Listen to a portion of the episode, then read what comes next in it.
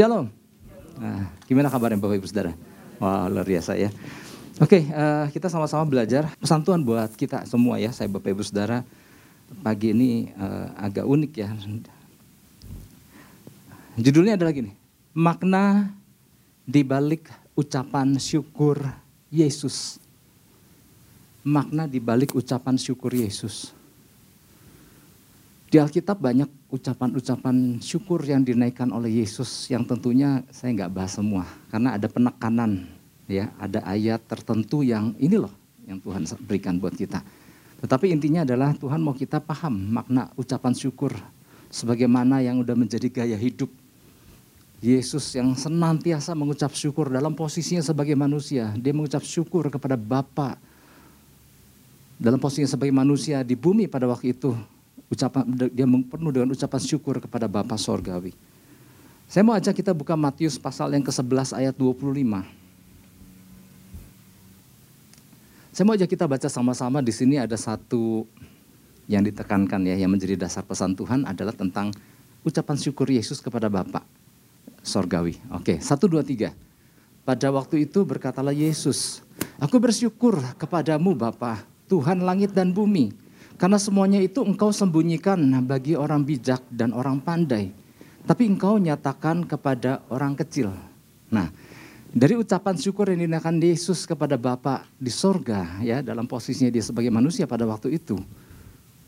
Pesan Tuhan adalah gini, ngerti gak sih maksud ucapan syukur Yesus? Kadang-kadang gini, betul, uh, mengucap syukur adalah gaya hidup kerajaan sorga, sebagaimana yang Yesus contohkan. Bagaimana dengan kita? Kita sebagai anak-anak Tuhan, orang-orang percaya udah dari zaman dulu dikatakan eh, sering mengucap syukur, mengucap syukur dan kita ikutin ya. Banyak dari kita mengatakan ucapan syukur kepada Tuhan. Pertanyaannya gini, ngerti gak sih makna ucapan syukur itu? Apa cuman karena latah dan, dan disuruh, suruh mengucap syukur gitu. Oke, kita sering mendengar ayat-ayat yang mengatakan tentang pentingnya orang percaya mengucap syukur kepada Tuhan. Bahkan mengucap syukur bukan dalam keadaan-keadaan tertentu aja. Ada ayat yang mengatakan mengucap syukur dalam segala keadaan, dalam segala hal. Ya seperti yang seperti yang kita pernah dengar di dalam satu Tesalonika ayat 18. Ya, mengucap syukurlah dalam segala hal. Sebab itulah yang dikendaki Allah di dalam Kristus Yesus bagi kamu. Perintahnya mengucap syukur dalam segala hal. Atas dasar ayat-ayat tersebut maka nggak sedikit orang percaya mengucap syukur kepada Tuhan di dalam berbagai keadaan. Nggak salah, ya memang itu perintahnya. Adalah mudah mengucap syukur dikala keadaan kita sedang dalam keadaan baik, sehat, dan berkecukupan di dalam berbagai hal. Artinya ucapan syukur itu sebagai ucapan terima kasih sama Tuhan, sebagai ucapan balasan udah terima banyak yang baik dari Tuhan, kemudian orang percaya, oh disuruh mengucap syukur. Kayak kayak mungkin waktu kita mengajarkan anak kita dulu waktu masih kecil kalau dikasih sesuatu, yuk bilang apa? Bilang apa? Terima kasih gitu ya. Nah kita bersikap seperti itu kepada Tuhan pada waktu kita mengucap syukur. Artinya sering kali dimakna, dimaknai tanpa disadari, mengucap syukur adalah ucapan balasan atas apa yang Tuhan berikan. Tapi kan perintahnya tadi mengucap syukur dalam segala keadaan. Dalam segala hal. Artinya bukan hanya di dalam keadaan baik aja dong. Bukan di dalam keadaan waktu kita terima sesuatu yang indah dari Tuhan. Tetapi juga waktu kita di dalam keadaan lagi benar-benar lagi mabok, pusing. Lagi di dalam keadaan yang sangat tidak baik. Perintah Tuhan tetap bilang mengucap syukur. Tapi kalau maknanya apa kalau di, yang dikatakan mengucap syukur di dalam segala hal itu? Kan tadi kan di, sering kali dimaknai sebagai ucapan terima kasih atas apa yang engkau berikan. Nah kalau mengucap syukur dalam hal dalam, ketika dalam kekurangan, dalam kerugian, di dalam keadaan yang uh, tidak sama sekali tidak baik, tapi disuruh mengucap syukur. Nah, sehingga akhirnya nggak sedikit orang percaya yang ya udahlah mengucap syukur aja lah saya mah di tengah kerugian ini. Di tengah dalam keadaan yang lagi nggak baik di keluarga saya, saya mah ya udah mengucap syukur aja. Nah pertanyaannya, ngerti nggak artinya? Sehingga akhirnya cuma menjadi seperti kata yang sering diucapkan tapi nggak tahu maknanya. Akhirnya kan gak sedikit di dalam percakapan orang-orang percaya ketika melihat temannya ada dalam kesusahan, malah yang satu bilang, udahlah mengucap syukur aja lah gitu. Ada perubahan terjadi nggak ketika mengucap syukur dengan hanya sekedar mengucapkan? Nggak ada perubahan apa-apa. Akhirnya menjadi sebuah kata yang sering diucapkan tapi nggak tahu makna apa yang terkandung di situ. Kalau gitu dari mana kita mau belajar makna mengucap syukur? Lihat apa yang Yesus lakukan. Gak sedikit ayat-ayat di Alkitab mengatakan Yesus mengucap syukur kepada Bapa. Nah, dari apa yang Yesus lakukan, di situ kita dapat belajar. Oh, ternyata waktu Yesus mengucap syukur, ada sebuah makna dalam. Nah, ini loh yang mari kita sama-sama belajar bahwa waktu kita bilang mengucap syukur, kita bilang bukan cuma sebenarnya mulut ngomong mengucap syukur. Tapi disertai dengan sikap yang benar bahwa inilah makna ucapan syukur yang aku ucapkan kepada Tuhan. Contoh, sebelum sebelum sampai ke penjelasan yang tadi kita baca itu. Misalnya lagi nih, peristiwa lima roti dua ikan. Itu peristiwa kan kita udah hafal sekali kan. Setelah sepanjang hari sampai hari menjelang malam, Yesus kan ngajar eh, berkhotbah di hadapan begitu banyak orang ribuan. Sampai akhirnya ketika hari menjelang malam mereka harus makan kan. Murid-murid awalnya kan cuma bilang, guru suruh mereka pulang gitu ya. Tapi Yesus bilang, kamu harus beri mereka makan. Nah akhirnya murid-murid kita udah apalah ceritanya, saya cuma sedikit-sedikit merefresh saja. Murid-murid, aduh putar otak nih gimana caranya nih dapat bahan makanan. Kalaupun punya uang, uang itu juga nggak cukup untuk dibelikan roti. Akhirnya mereka menemukan salah satu murid Yesus menemukan ada seorang anak kecil yang punya lima roti dua ikan. Meskipun dalam hati berpikir, ya ampun lima roti dua ikan cukup buat apa dengan orang ribuan ini.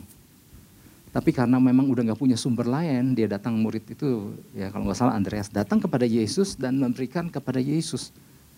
Nah Alkitab catat apa? Lalu Yesus mengambil lima roti dua ikan itu, kemudian Yesus menengadahkan tangannya kepada Bapa dan ia mengucap syukur. Setelah Yesus mengucap syukur, apa yang terjadi? Mujizat. Apa yang terjadi? Pelipat gandaan. Wow. Dari peristiwa ini, mari kita belajar.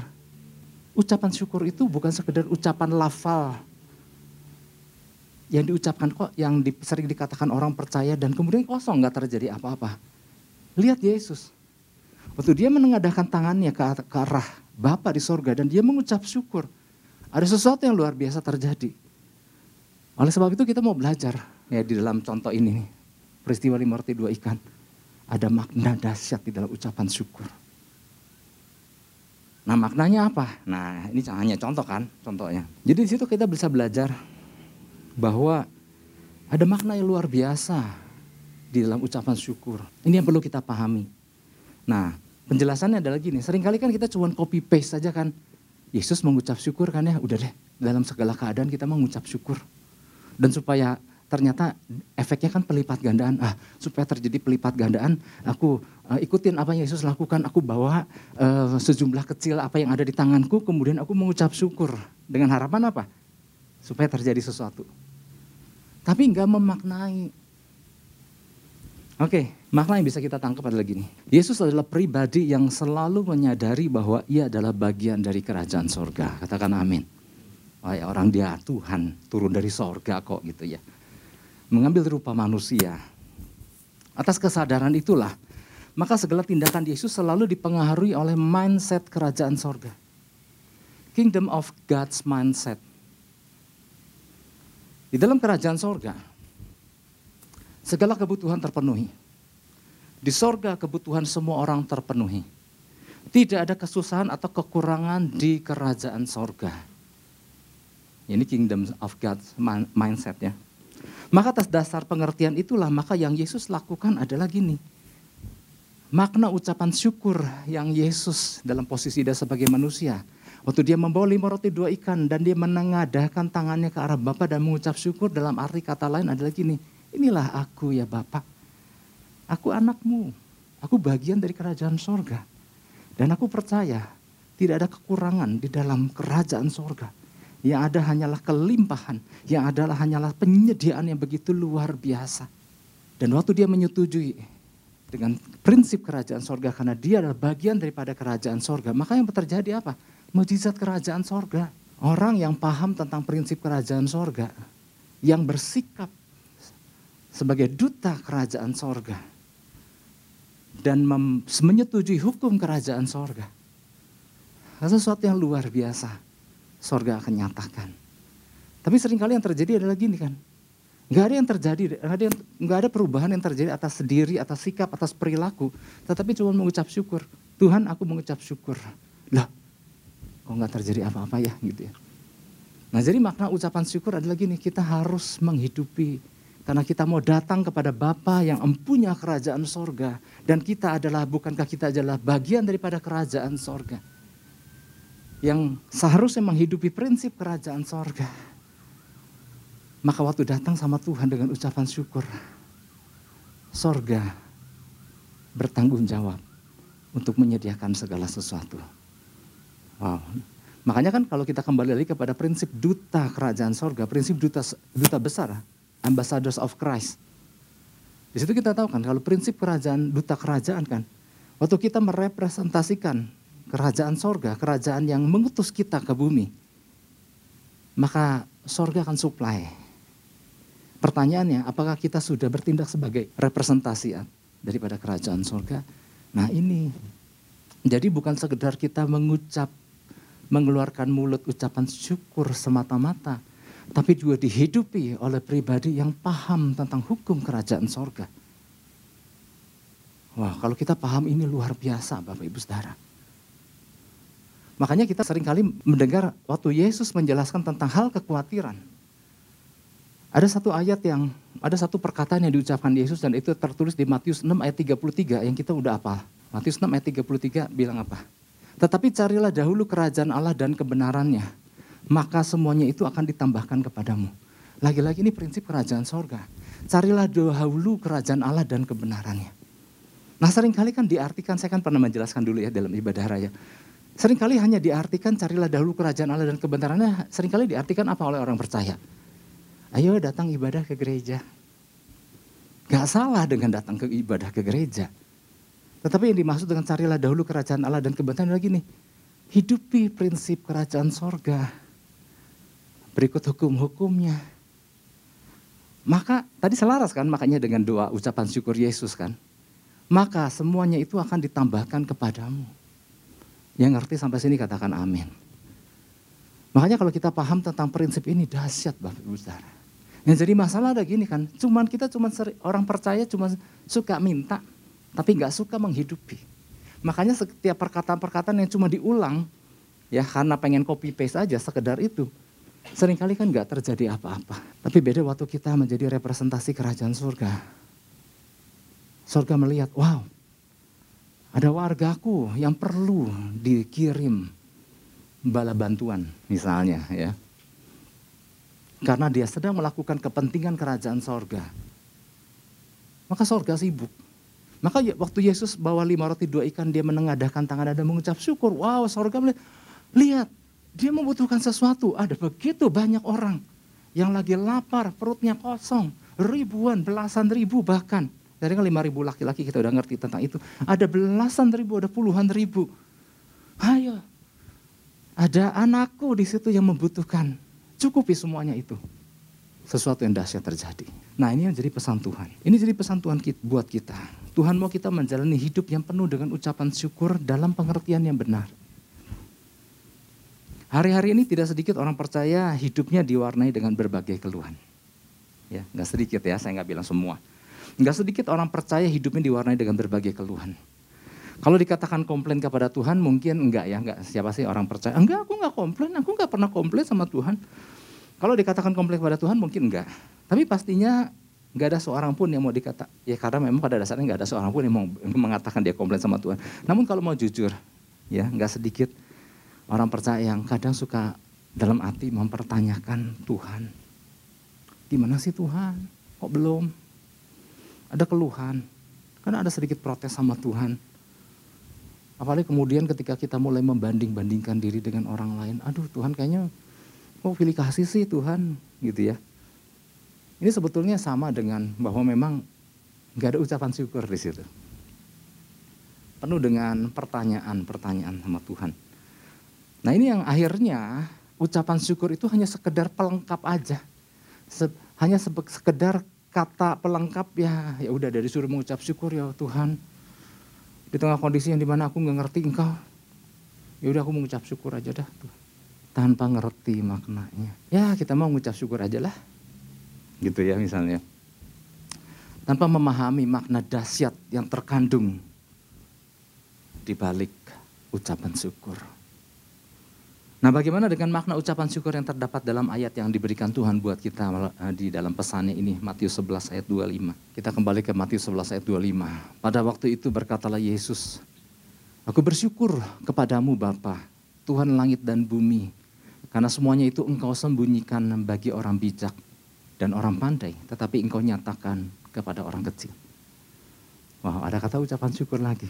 Yesus kepada Bapa. Kalau kita sering kali disuruh mengucap syukur, nah salah satu maknanya adalah di sini. Apa sih? Yang pertama adalah, aduh memang cuma satu poin sih. Poinnya adalah gini, firman Tuhan yang dihidupi merupakan kartu akses. Ya dalam tanda kutip ya. Firman Tuhan yang dihidupi merupakan kartu akses menuju perkara-perkara ilahi yang luar biasa. Firman Tuhan yang dihidupi merupakan kartu akses menuju perkara-perkara ilahi yang luar biasa. Kartu akses adalah gini, mungkin di rumah tangga kita kita jarang gunakan meskipun di uh, rumah yang modern dan teknologi tinggi mulai menggunakan kartu akses. Tapi ini sering kali ada di hotel-hotel atau di apartemen-apartemen di mana orang yang punya kartu akses dengan modal satu kartu. Dia bisa buka pintu banyak hal mau pintu tempat tinggalnya, mau pintu ke ruang fitness, mau pintu ke ruang rapat, mau pintu ke mana. Karena punya kartu akses. Nah firman Tuhan yang dihidupi merupakan kartu akses menuju perkara-perkara ilahi yang luar biasa. Jadi saya mau katakan gini, firman Tuhan dahsyat nggak? Dahsyat. Tapi bisa jadi nggak dahsyat nggak? Karena diperlakukan secara salah, maka akhirnya firman Tuhan seolah kayak nggak dahsyat gitu. Padahal kalau firman Tuhan ini kita hidupi, kita pahami, itu menjadi kartu akses untuk perkara-perkara yang luar biasa. Bahwa firman Tuhan atau perkataan Tuhan merupakan senjata kerajaan sorga yang, yang dahsyat. Salah satu selengkap senjata Allah adalah pedang roh firman Allah. Jadi ternyata firman Tuhan ini dahsyat loh. Makanya adalah rugi sekali kalau orang nggak peduli dengan firman Tuhan. Sangat rugi sekali kalau orang mengabaikan dan tidak menghargai firman Tuhan. Nah, firman Tuhan yang saya tadi sampaikan yang dihidupi merupakan kartu akses ya. Misalnya apa sih apa yang disebut, e, kalau di dalam kenyataannya apa Pak? Kartu akses itu bisa membawa kita kepada perkara-perkara luar biasa. Oh ya, di dalam kita sering dengar ayatnya kan, tuntunan e, tuntunan firman Tuhan aja. Jadi ketika Tuhan memberikan firman-Nya dan kita ikuti tuntunannya, kita akan mulai memasuki suatu wilayah yang baru, level baru kehidupan kalau firman itu diikuti. Kita ingatkan bangsa Israel waktu keluar dari tanah Mesir menuju tanah perjanjian, tanah perbudakan Mesir menuju tanah perjanjian kan dalam tuntunan firman Tuhan kan. Dan itu ditangkap dan dihidupi oleh Musa dan dia membawa bangsa Israel di dalam tuntunan perkataan Tuhan. Ada sesuatu wilayah baru nggak yang mereka masuki? Ada. Dari Mesir, dari satu titik ke sebuah titik menuju tanah perjanjian. Jadi kalau firman Tuhan ini kita hidupi, ini akan menuntun kita, membawa kita dari wilayah ke wilayah. Ya, contohnya banyak sekali kan di Alkitab. Kepercayaan, nah itu itu satu hal. Kepercayaan firman akan firman membawa kita kepada tingkatan iman yang lebih besar. Ya ingat kan prinsip firman Tuhan, iman timbul dari pendengaran akan firman Kristus. Jadi waktu kita dengar firman dan kita hidupi itu firman, ada iman yang timbul, ada iman yang tumbuh, sama-sama dengar firman. Tapi kalau cuma sekedar dengar dan tidak menghidupi, maka ya firman ya tetap firman ya begitu aja tidak terjadi. Tetapi waktu kita tangkap, kita hidupi, ada sebuah lonjakan iman yang terjadi. Dan saudara tahu iman adalah mata uang untuk masuk ke wilayah-wilayah dahsyat di dalam kehidupan kita. Iman itu mata uang kerajaan sorga. Jadi waktu kita masuk ke dalam wilayah kerajaan sorga dan mujizat dan perkara pada dahsyatnya perlu mata uang. Mata uangnya namanya iman. Seseorang yang mau pergi ke luar negeri aja, itu rupiahnya dia harus tukar dulu dengan mata uang. Misalnya kalau mau pergi ke Singapura, itu rupiahnya harus ditukar dulu menjadi mata uang dolar Singapura. Karena kalau ke mana-mana pakai uang rupiah, gak semua orang mau terima. Tapi kalau kita tukarkan dulu itu serupiah, ya meskipun rate-nya lumayan, perbandingannya lumayan besar, tetapi waktu kita menukarkan, kita bisa leluasa. Waktu kita ada di negara itu karena kita pegang mata uang itu. Iman itu bagikan mata uang. Kalau kita mau hidup di dalam prinsip kerajaan sorga, dan rindu untuk mengalami perkara-perkara yang dahsyat dari kerajaan sorga, perlu mata uang. Iman namanya. Apa namanya? Iman. Iman dari mana? Iman timbul dari pendengaran akan firman Kristus. Kalau di dalam terjemahan aslinya iman timbul bukan dari logos, tapi ditulis rema. Perlu relasi sehingga kita dapat sesuatu perkataan Tuhan. Dan itulah membuat iman lonjak. Dan iman itu modal dasar untuk kita masuk ke wilayah-wilayah supranatural yang lebih dahsyat. Dahsyat dan lebih dahsyat lagi. Ya makanya atas dasar modal iman kan, waktu murid-murid Yesus diombang-ambingkan oleh badai, Yesus kan datang berjalan di atas air kan. Kemudian Yesus kan berkata, jangan takut, inilah aku. Nah, kemudian Petrus yang lagi sibuk bersama murid-muridnya karena ada terpaan angin badai, dia berkata, Guru kalau itu engkau, suruh aku datang kepadamu. Itu Yesus berkata, datanglah. Wah ini luar biasa. Kalau benar itu engkau, suruh aku. Dia minta apa? Dia minta perkataan. Kemudian Yesus memberikan perkataan dan berkata, datanglah. Maka atas dasar itu keluarlah Petrus dari perahu dan berjalan di atas air. Artinya, perkataan yang membangkitkan iman akan membuat seseorang berjalan dalam mujizat. Oh dahsyat nggak? Artinya firman itu bagian kartu akses. ya. Terus apa lagi? Firman Tuhan mampu memerdekakan hidup seseorang. Ketika seorang tahu kebenaran-kebenaran itu akan memerdekakan, wow dahsyat banget. Itulah sebabnya divisi 2023 yang Tuhan berikan buat kita sejak dari sekarang. Di mana kita harus mencelikan mata orang buta. Modalnya apa? Firman. Kita bisa memerdekakan hidup, bisa memerdekakan orang yang terbelenggu. Yang seharusnya binasa menjadi diselamatkan lewat apa? Perkataan firman. Yang buta menjadi bisa tercelik lewat apa? Perkataan firman. Firman merupakan kartu akses yang membawa kita ke dalam perkara-perkara luar biasa. Ya. Dan lain-lain. Namun sayangnya, nggak semua orang percaya menyukai firman, kan sayang. Sedangkan kalau kita tahu tadi keuntungannya, luar biasa. Saya nggak semua orang percaya suka firman. Ada orang-orang yang menolak pengajaran. Ada orang-orang yang enggan diajar. Ada orang-orang yang tidak menyukai firman dan tidak mau mengisi dirinya hari lepas hari dengan perkataan firman Tuhan. Manusia hidup bukan dari roti saja, tapi dari setiap perkataan yang keluar dari mulut Allah. Kalau kita bisa makan sehari bisa beberapa kali, makan fisik untuk kenyang jasmani kita. Jangan lupa, ada makanan rohani itu firman Tuhan. Ada si tubuh rohani yang harus dikenyangkan. Seberapa banyak dari kita yang mengisinya itu? Aduh saya jadi takut survei nih. tapi seharusnya, seharusnya ya saya percaya seharusnya kita firman Tuhan jadi makanan kita. Jadi selain Pak, tapi saya kan tiap hari dengar renungan, gak ada yang salah dengar renungan. Gak ada yang salah dengar khotbah dan memang harus. Tetapi ada makanan rutin yang diisi, yang teratur kita baca dari kejadian sampai wahyu. Nanti setelahnya mau diisi sama apa silakan. Ya, ada orang percaya yang belum memiliki kebiasaan membaca firman tadi ya. Orang percaya tidak mempercaya perkataan Tuhan melalui pesannya. Apa sih pesan Tuhan? Pesan Tuhan aku mah kayak itu mah kayak orang manusia gitu ya. Karena ada orang yang meremehkan. Ada orang yang nggak mempercayai nubuatan.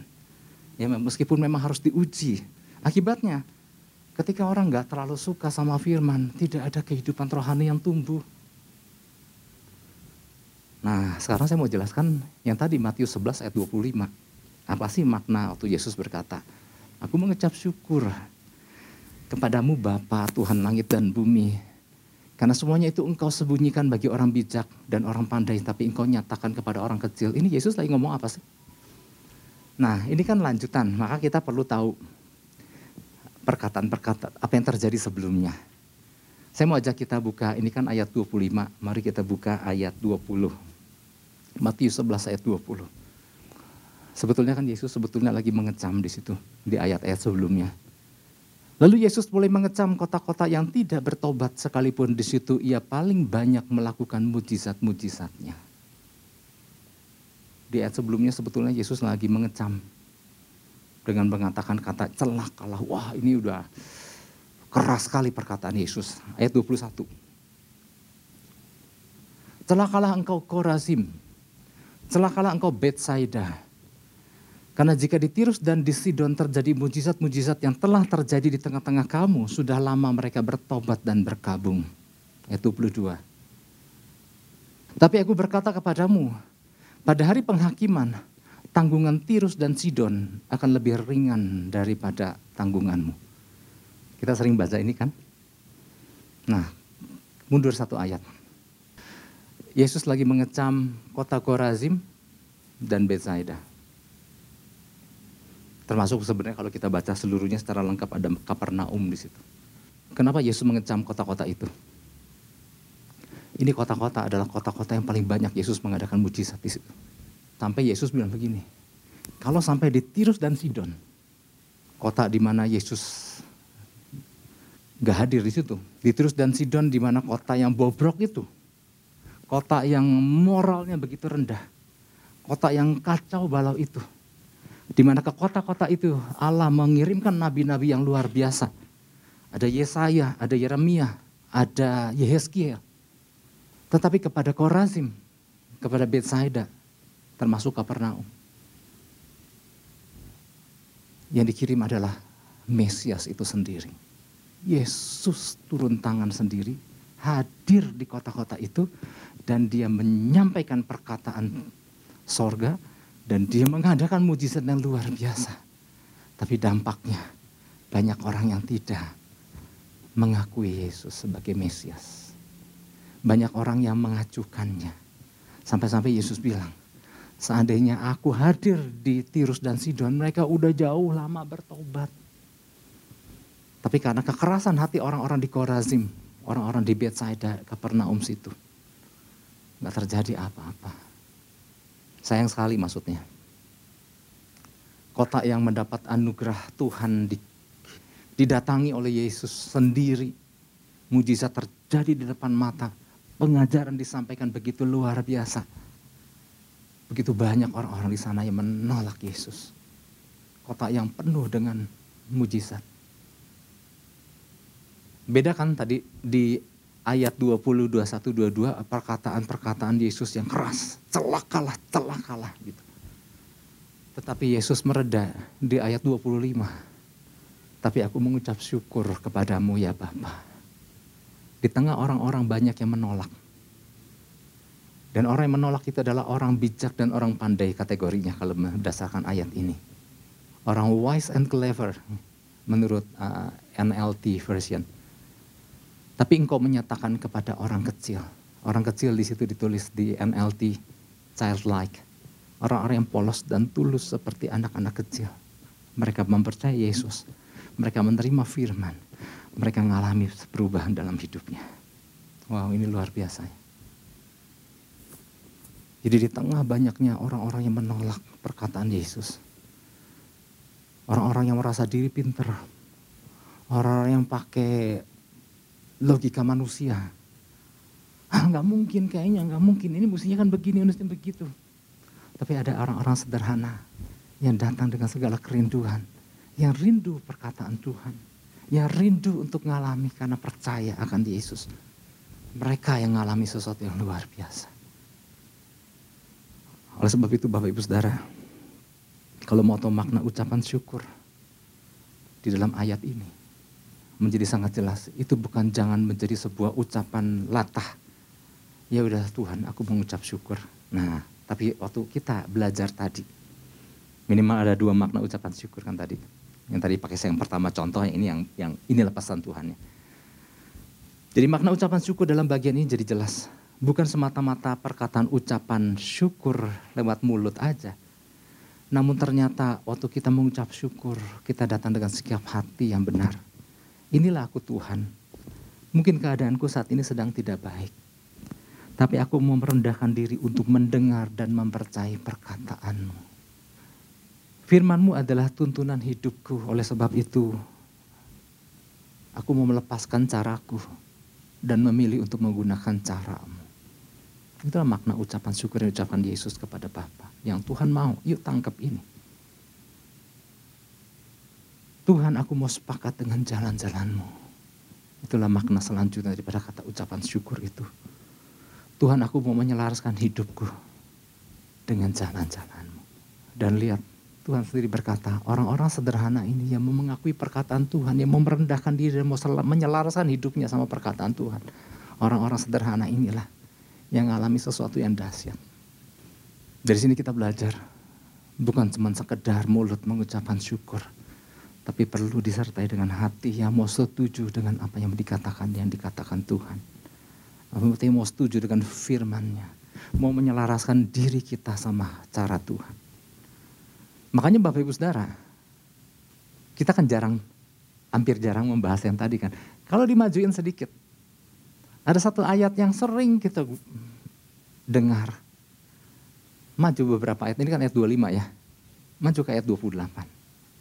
Tuhan senang dengan orang-orang yang dikatakan childlike, bukan kekanak-kanakan ya, jangan salah arti. Orang yang tulus, polos, yang mau belajar, yang setuju akan Tuhan. Maka Yesus undang kan, ayat 28, marilah kepadaku.